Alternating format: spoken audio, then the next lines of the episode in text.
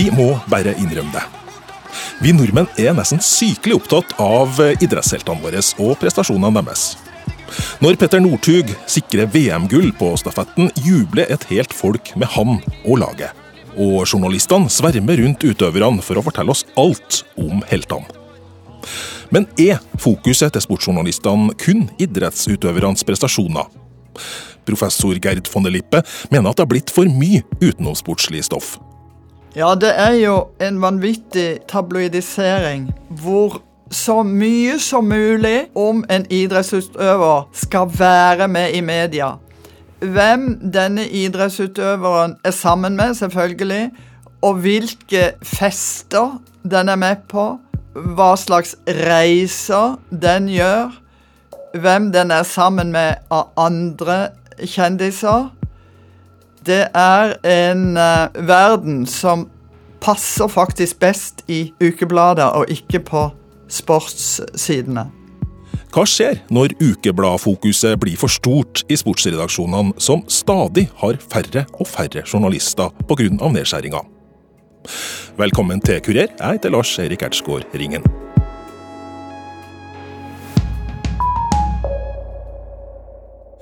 September ble Norges kvinnelandslag i fotball kvalifisert til nok et mesterskap. Nå skal det avgjøres. Norge direkte til VM. I VM-kvalifiseringskampen på Intility Arena i Oslo ble Nederland slått 2-1 foran 5000 tilskuere. Ja, så blåser fløyta! Og Norge slår de regjerende europamesterne! Og se hva dette betyr for Caroline Graham Hansen og kompani! Men i dagene etter kampen så har det ikke bare vært fokus på denne fine idrettsprestasjonen, men også helt andre tema, som at herrelandslaget ikke var til stede på tribunen, og at eh, Ada Hegerberg har fjerna tidligere landslagsvenninna fra Facebook.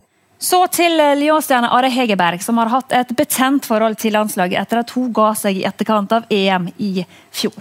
Nå har Hegerberg valgt å slette flere av de tidligere landslagsvenninnene fra Facebook og Instagram, etter at de sikra VM-billett forrige uke.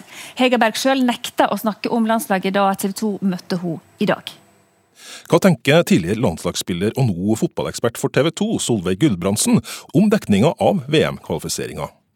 Jeg tenker jo at når det norske kvinnelandslaget kvalifiserte seg til VM, så er jo det en nyhet og bør være hovedoppslaget i, i norsk presse. Eh, det er jo stort når man kvalifiserer seg til et VM, spesielt når det var så nære på at man ikke kvalifiserte seg. Men i denne, denne situasjonen så ble det jo eh, Var vel like stor sak det at Hegerberg ikke var med, eller at eh, andre på en måte konfliktsituasjoner ble, ble omtalt som like store. Da, og det, det syns jeg jo er synd i en sånn setting. Og f.eks. at herrelandslaget ikke var til stede, som også er en bagatell, eh, eh, var også en stor sak. Og det, jeg syns på en måte at det, det viktigste er at eh, at det første må komme fram, det positive. At vi på en måte er et samfunn som verdsetter prestasjonene først og fremst. Og så får man eventuelt ta andre saker i ettertid, da, men kanskje helst også vente en dag. Men mener Gudbrandsen at de her sakene ikke skulle ha vært i nyhetsbildet? Jeg tenker jo at det er viktig for pressen å få med seg alt som skjer rundt et landslag. Eh, både i forhold til eh, om det er utfordringer, om det er uenighet i gruppa. Alt mulig av, av nyhetsinteresse for folket er jo viktig å få med seg. Så der er det jo en utfordring for spillergruppa i seg selv òg, altså om dette er positivt for gruppa eller ikke. Men, eh, men, nå hadde vi jo veldig lite medieinteresse og veldig kort periode av året, for det var kun hvis vi var i mesterskap at det var noe særlig press rundt det. Eh, etter hvert så skjedde det en endring, og den var ganske tydelig sånn um, Ja, altså utover nærmere 2010 rundt der. Altså også når det kommer flere andre typer presser enn NRK, på en måte. Eh, så var det mer sånn at de ønska masse utenomsportslige fokus hvis man skulle lage nyhetsreportasjer. At man måtte alltid finne på noe gøy. Man kunne liksom ikke bare lage en vanlig, vanlig sak, en sit-down og prat om prestasjoner. Det måtte alltid være noe morsomt rundt det, noe annerledes. Um, og det var jo innimellom til tider litt slitsomt. Vi hadde et innslag av en bursdagsselskap hvor vi satt med noen hatter og blåste i noen fløyter, og det var jo egentlig helt um, Helt usaklig story, egentlig, for det handla jo egentlig ikke om noe særlig. Uh, og da blir man også litt mer skeptisk til pressen, fordi hva, hvordan er de ute etter å fremstille oss? Um, når man ikke er ute etter prestasjonene, men man er ute etter mye annet fjas. da.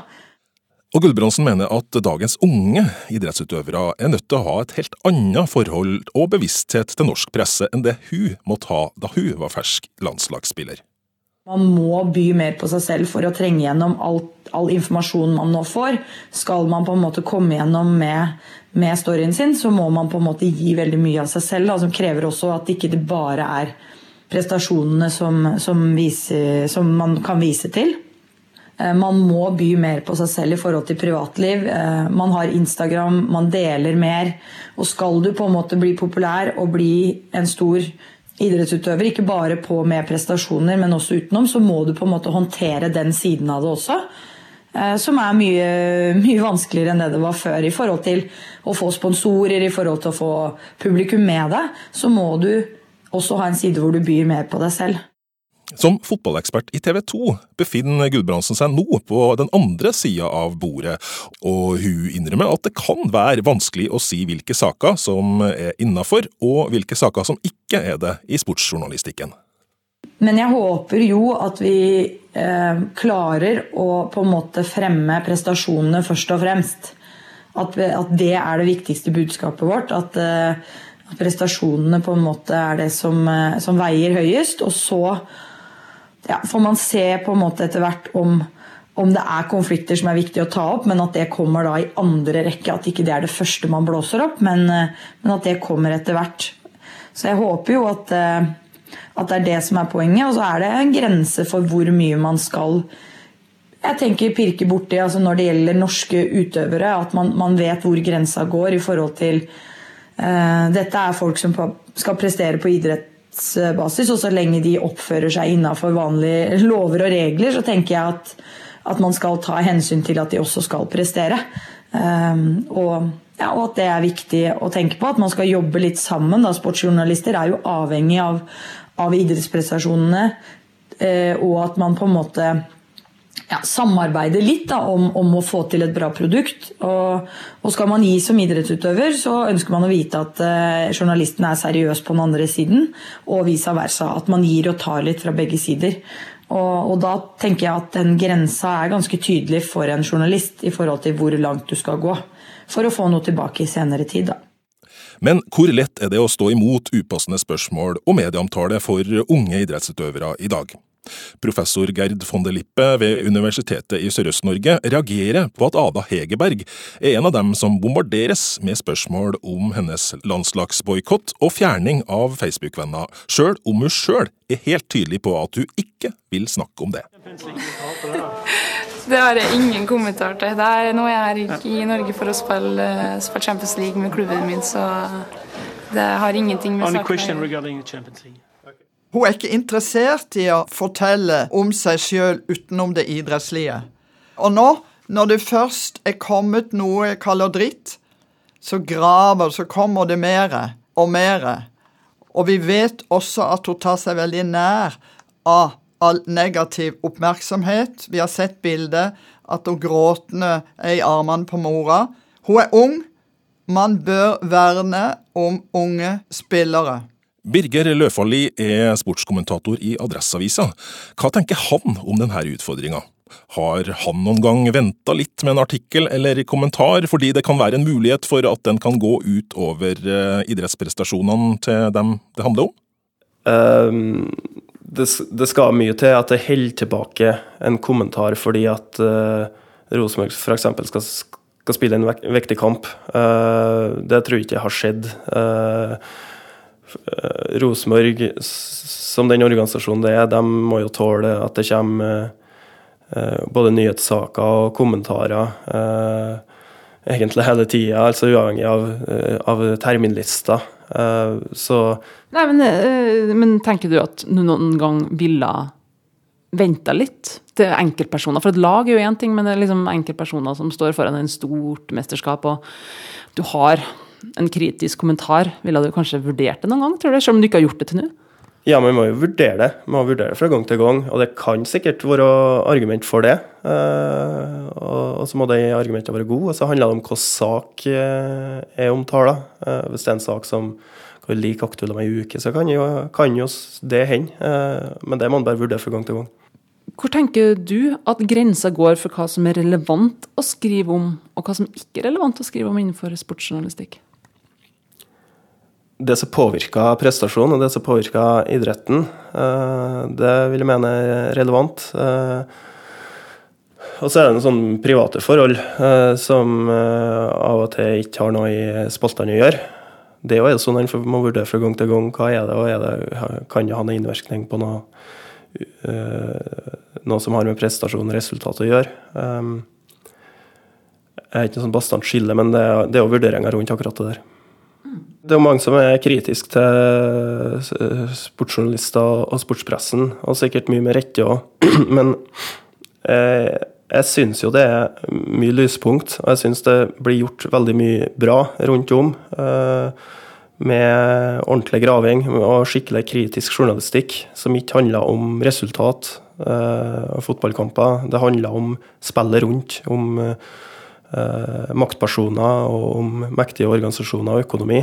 Uh, og, og, det er selvsagt ressurskrevende å jobbe med det, sånn som det er å jobbe med annen gravejournalistikk. Og, og da må man jo på den ene sida ha det litt mer enkle, eh, den litt mer enkle kjendisprega journalistikken som uh, skaffer store lesertall. og så må man på den andre sida ha uh, den her gravejournalistikken. og det er jo den som lykkes med begge de delene, som, som gjør det virkelig bra her. I starten av denne uka var oppmerksomheten til en samla norsk og dansk idrettspresse alle andre steder enn på fotballbanen, da RBK arrangerte pressekonferanse etter at deres stjernespiller Niklas Bentner ble blanda inn i en voldsepisode i København søndag. I den sammenheng er det noen mennesker som jeg gjerne vil beklage overfor. For de har alltid behandlet meg ordentlig og har krav på min respekt. Overfor Rosenborgs fans og publikum beklager jeg at det er skjedde. Og jeg beklager ikke unngikk å havne i situasjonen. Birger Løfaldli fra Adressa var en av mange sportsjournalister på pressekonferansen som Rosenborg arrangerte. At dansk presse er opptatt av Bentner er naturlig nok, men hvorfor skal norsk presse skrive så mye om denne saken? Eh, det jeg tenker er at uh, kanskje det viktigste oppi uh, den saken her, det er jo de skyhøye ambisjonene som Rosenborg har sportslig. De snakker ofte om at de skal ta marginer på alt som er mulig, på alle mulige detaljer. Ta promiller, ta prosenter. innenfor kosthold, innenfor trening, alt mulig. Og så havner Eh, klubbens største stjerne oppi den situasjonen her. Eh, og så skal ikke vi si for eh, detaljert hva som har skjedd, for det, det vet vi ikke ennå. Men faktum er jo at han oppholdt seg i sentrum av København klokka to på natt til søndag. Bentner har jo sin historikk, og det oppholdet seg der på det tidspunktet, det er jo grunn til å stille spørsmål ved. Det er jo noe som òg er en risiko for han, å havne i situasjoner da. Eh, det er opp mot den målsettinga som Rosenborg har. Eh, det er det grunn til å stille spørsmål eh, ved. Og det er akkurat det jeg syns er mest interessant. Og så er det selvsagt mye mye godt tabloid stoff i akkurat den saken her, men det ligger eh, andre ting bakom da, som er eh, ja, mer interessant i en større sammenheng. Apropos tabloid. Hva tenker sportsjournalisten om Gerd von der Lippes eh, utsagn om at eh, mye av eh, norsk sportsjournalistikk hører hjemme i ukepressa? Det er jeg ikke helt enig i. Det er klart at det er mye stoff som er veldig klikkbart, altså veldig populært blant leserne i sport. Det handler om at det er veldig mange profiler i sporten. Noen av de største kjendisene i landet er idrettsutøvere.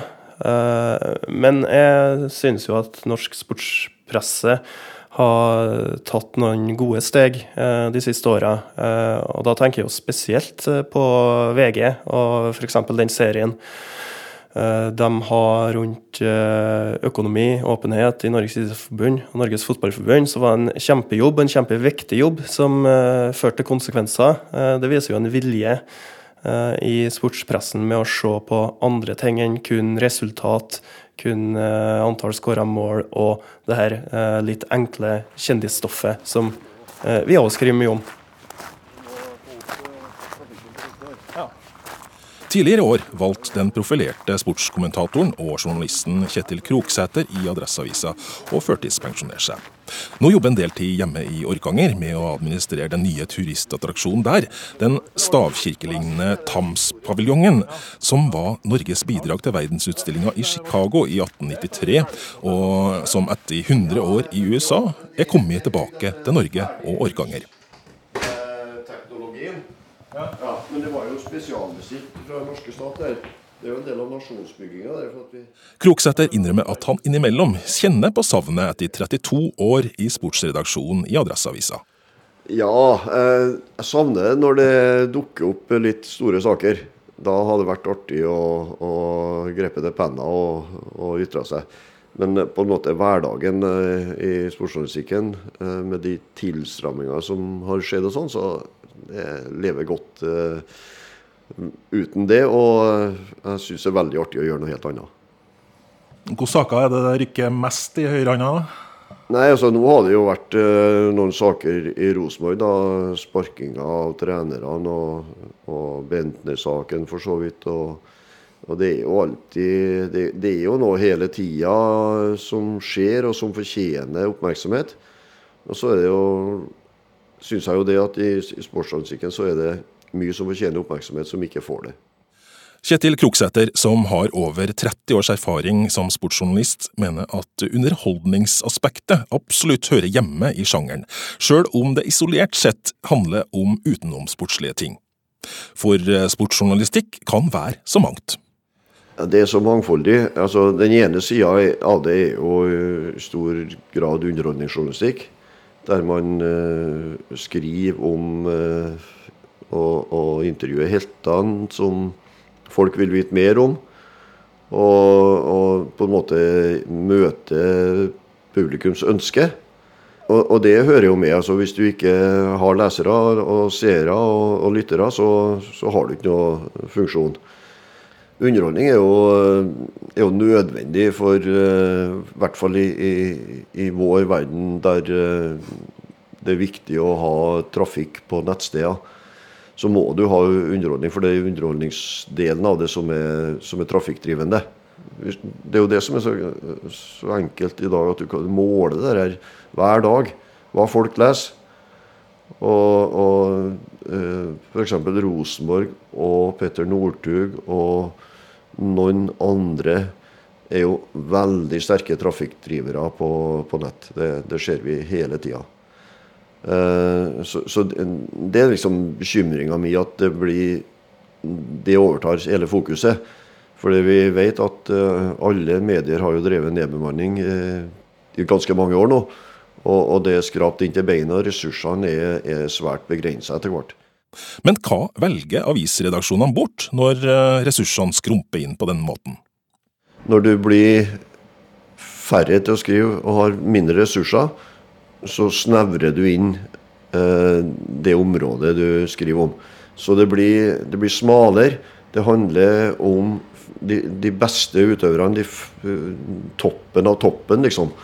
Eh, og, og, de små idrettene og, og det som er grunnfjellet og, og det store bredden, det, det lir under at, eh, at eh, media får mindre ressurser. Og det, det, gjorde meg vondt de siste åra å, å, være med på å si at nå har ikke vi ressurser til å dekke den idretten ordentlig lenger. Nå må vi bare skyve dem til side. Og sånn gjorde vi med den ene etter den andre. Uh, og det, det, det, var ingen god følelse, men det var faktisk nødvendig. Og Da krever det mot uh, å sette av, ting, uh, sette av, ressurser til ting som man ikke vet om det blir noe konkret ut av, og som man vet at ikke blir veldig godt lest og ikke gir veldig mye klikk på nettet. Den positive sida av utviklinga er ifølge den erfarne sportskommentatoren at det har blitt mer seriøst sportsstoff i media. altså, Blandinga har forandra seg i den grad at det har blitt mer av den viktige journalistikken, faktisk. Uh, og så tror jeg, håper jeg at det har blitt mer faglig uh, sportsjournalistikk òg. Sånn at uh, det, det, er litt vanskelig, det blir, det blir synsing, da, men at journalistene har mer redde på det de holder på med. Og at de ikke lar seg blende av så stor grad av følelser og tilhørighet til den klubben eller den idretten de jobber med. At man er i stand til å stille kritiske spørsmål, da, sånn som alle andre journalister må gjøre. En annen ting som har forandra seg siden du begynte som sportsjournalist på 80-tallet, det er at vi har fått internett. Og, og, det er jo et verktøy som gjør at sportsinteresserte nesten kan følge med like nært på det de er interessert av sport, som det dere som sitter i sportsredaksjonene gjør. Hvordan påvirker det journalistikken?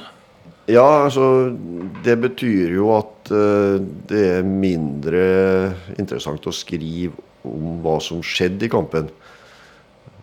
Man må heller skrive finne noen element rundt det som, er, som tilfører leseren noe nytt. Men eh, de har blitt veldig krevende, for at uh, media har fått veldig stramme uh, tidsrammer. Og du skal levere noe til, til, et papirprodukt, og så skal du levere noe til nett. og det, det, det foregår i hurten og sturten, så det er en fryktelig krevende øvelse. Og det, det, er en av de tingene som jeg er glad ferdig med. Jeg sa det på et tidspunkt at hver fotballkamp tar et år av mitt liv. Eh, nå hadde det heldigvis ikke gått så galt, men eh, det, det, er tøffe, tøffe tak man lever med der. Framtida for Niklas Bentner er at vi håper at han blir skadefri så fort som mulig. Og vi ser framover mot kampene vi har både mot Vålerenga og Celtic. Og da er Niklas aktuell? Så fremt om han er skadefri? Ja. Tove Mo Dyrhaug er daglig leder i Rosenborg ballklubb, og sto ved siden av Niklas Bentner på pressekonferansen i starten av uka. Hvordan syns hun det var å forholde seg til det sultne pressekorpset etter voldsepisoden i København?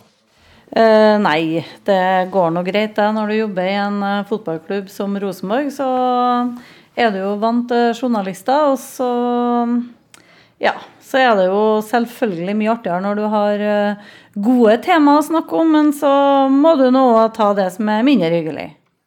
Hva tenker den daglige lederen i Rosenborg om at eh, journalistene gjerne vil ha stoff med kjendisfokus, eh, og ikke alltid er like opptatt av det sportslige? Eh, nå er det jo sånn at uh, fotball og sport er underholdningsbransje, det òg, vet du. Så det blir nå litt uh, andre ting enn akkurat uh, fotball og mål. De er jo ja, interessert i, i, det meste rundt klubben og spillerne, så det er vi nå godt vant til. Uh, det er vel kanskje kjendiser eller profiler som er viktig for Eliteserien, for klubbene, for eh, lagene, så det er nå viktig en eh, viktig del av det. Men hvor går grensa mellom det som er greit å skrive om spillerne og spillernes privatliv, tenker du?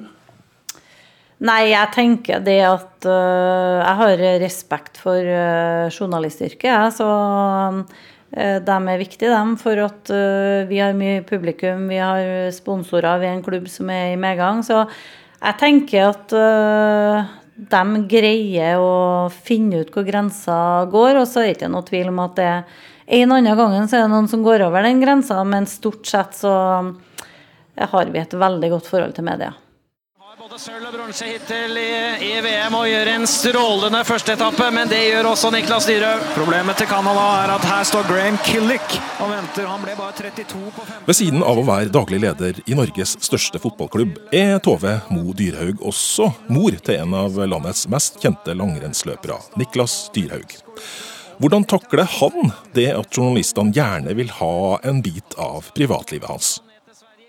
Eh, nå er det jo sånn at han jo har jo vokst opp med ei mor som er vant til media, da, og så Han er jo òg ganske utadvendt, og så tror jeg han setter grenser når grensene må være, da. Men det er jo litt sånn med langrennsløperne som med fotballspillerne. De er jo profiler og lever av det, så, så det er greit å, å å ha media der, og så tror jeg at de er ganske flinke til å sette grenser når de ikke ønsker å ha dem der. Men det er jo ganske vanlig å ha med journalister både på jakt og skirenn og andre aktiviteter. Så, så sånn er det. Vi må forstå hverandres roller.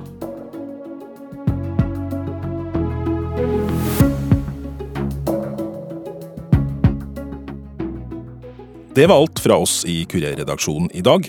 Produsent for denne sendinga var Randi Lillealteren.